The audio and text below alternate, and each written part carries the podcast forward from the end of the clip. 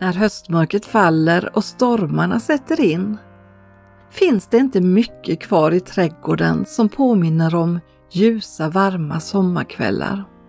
Det är bara mörkt, regnigt och blött. Det kan faktiskt kännas lite dystert och vemodigt. Så kan det även upplevas i hjärtats trädgård när inte livet blir som man har tänkt sig. När allt känns mörkt händer att man undrar var Gud har tagit vägen. Jag tror att de flesta människor någon gång under sina liv får gå igenom ganska mörka dalar. Gud känns otroligt långt borta. Känner du igen dig?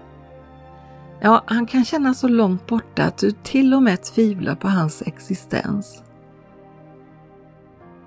Du kanske säger, nu ger jag upp, nu går jag.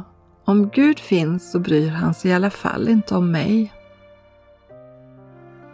Du tvivlar på om han är den Gud han utger sig för att vara. Andras vittnesbörd om vad Gud har gjort i deras liv kan förstärka känslan av Guds frånvaro i ditt eget liv.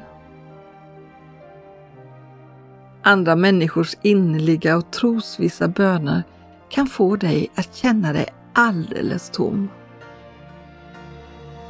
Du blir trött av att höra prästen mala och du längtar bara till på sludiet. Gud är tyst och har kanske varit det en längre tid. Johannes av Korset kallade det själens dunkla natt. Men du har två val att göra. Antingen vänder du dig bort från Gud i besvikelse eller så går du i närkamp med honom. Det finns en man i Bibeln som hette Jakob. I sin ungdom hade han lurat både sin pappa Isak och sin bror Esau.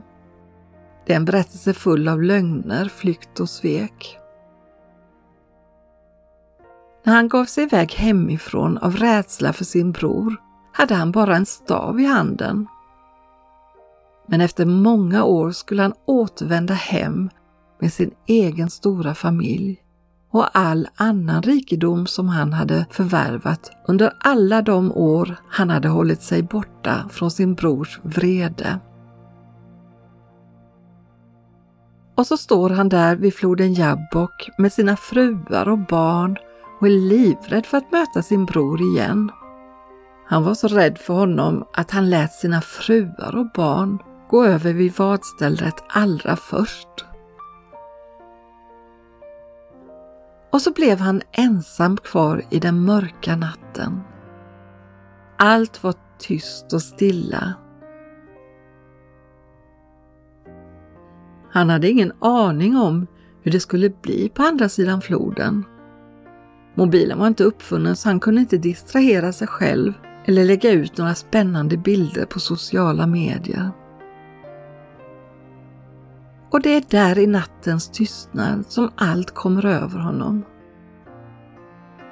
Men han är inte ensam. Det står att hela natten ända till gryningen brottas en man med honom. Till slut slog mannen så kraftigt att höftleden gick ur led. Vet du, jag tror att det var Gud som brottades med Jakob. Steg för steg togs både hans självgodhet och allt självförsvar ifrån honom. Avskalad och naken. Och när äntligen natten gav vika vägrade Jakob släppa taget om Gud och han ville inte släppa taget förrän han hade blivit välsignad av honom. Det var det enda som fanns kvar. Förlorade Jakob kampen mot Gud?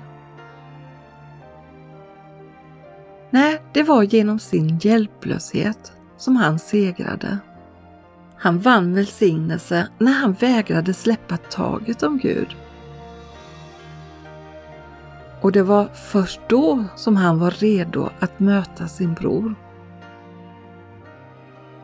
Gud hade inte bara arbetat med Jakobs hjärta utan även med Esaus. Det står Esau sprang emot honom och tog honom i famn, föll honom om halsen och kysste honom. Och de grät. Jakobs liv och brottningsmatch med Gud väcker många tankar. Det är ingen sockersöt berättelse. Det var en tuff kamp som utspelade sig mellan Gud och Jakob. Du tror kanske inte att man får brottas med Gud eller gå till rätta med honom. Men han säger faktiskt Kom, låt oss gå till rätta med varandra. Han säger inte Kom, nu ska jag gå till rätta med dig. Utan han säger Kom, låt oss gå till rätta med varandra. För han vill inte att du vandrar bort från honom i besvikelse och bitterhet. Gud tål dina tuffa frågor. Och vet du, i Guds rike är det tvärtom. Du segrar när Gud får skala bort all din prestige, självgodhet och sökande efter andras bekräftelse tills bara hungern efter honom finns kvar. Han vill befria dig från allt som gör dig till fånge i ditt förflutna. Så var inte rädd för hjärtats dunkla natt. Fråga alltid efter Herren och hans makt. Sök alltid hans ansikte. För Herren välsignar och beskyddar dig. Han låter sitt ansikte lysa mot dig och visar dig nåd. Han vänder sitt ansikte mot dig och ger dig sin frid.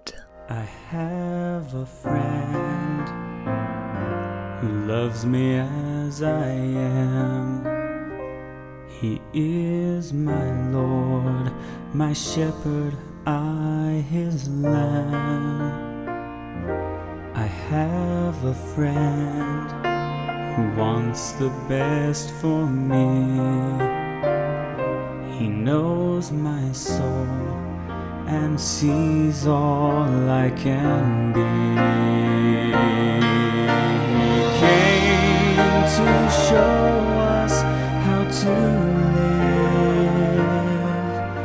He came with so much love to give.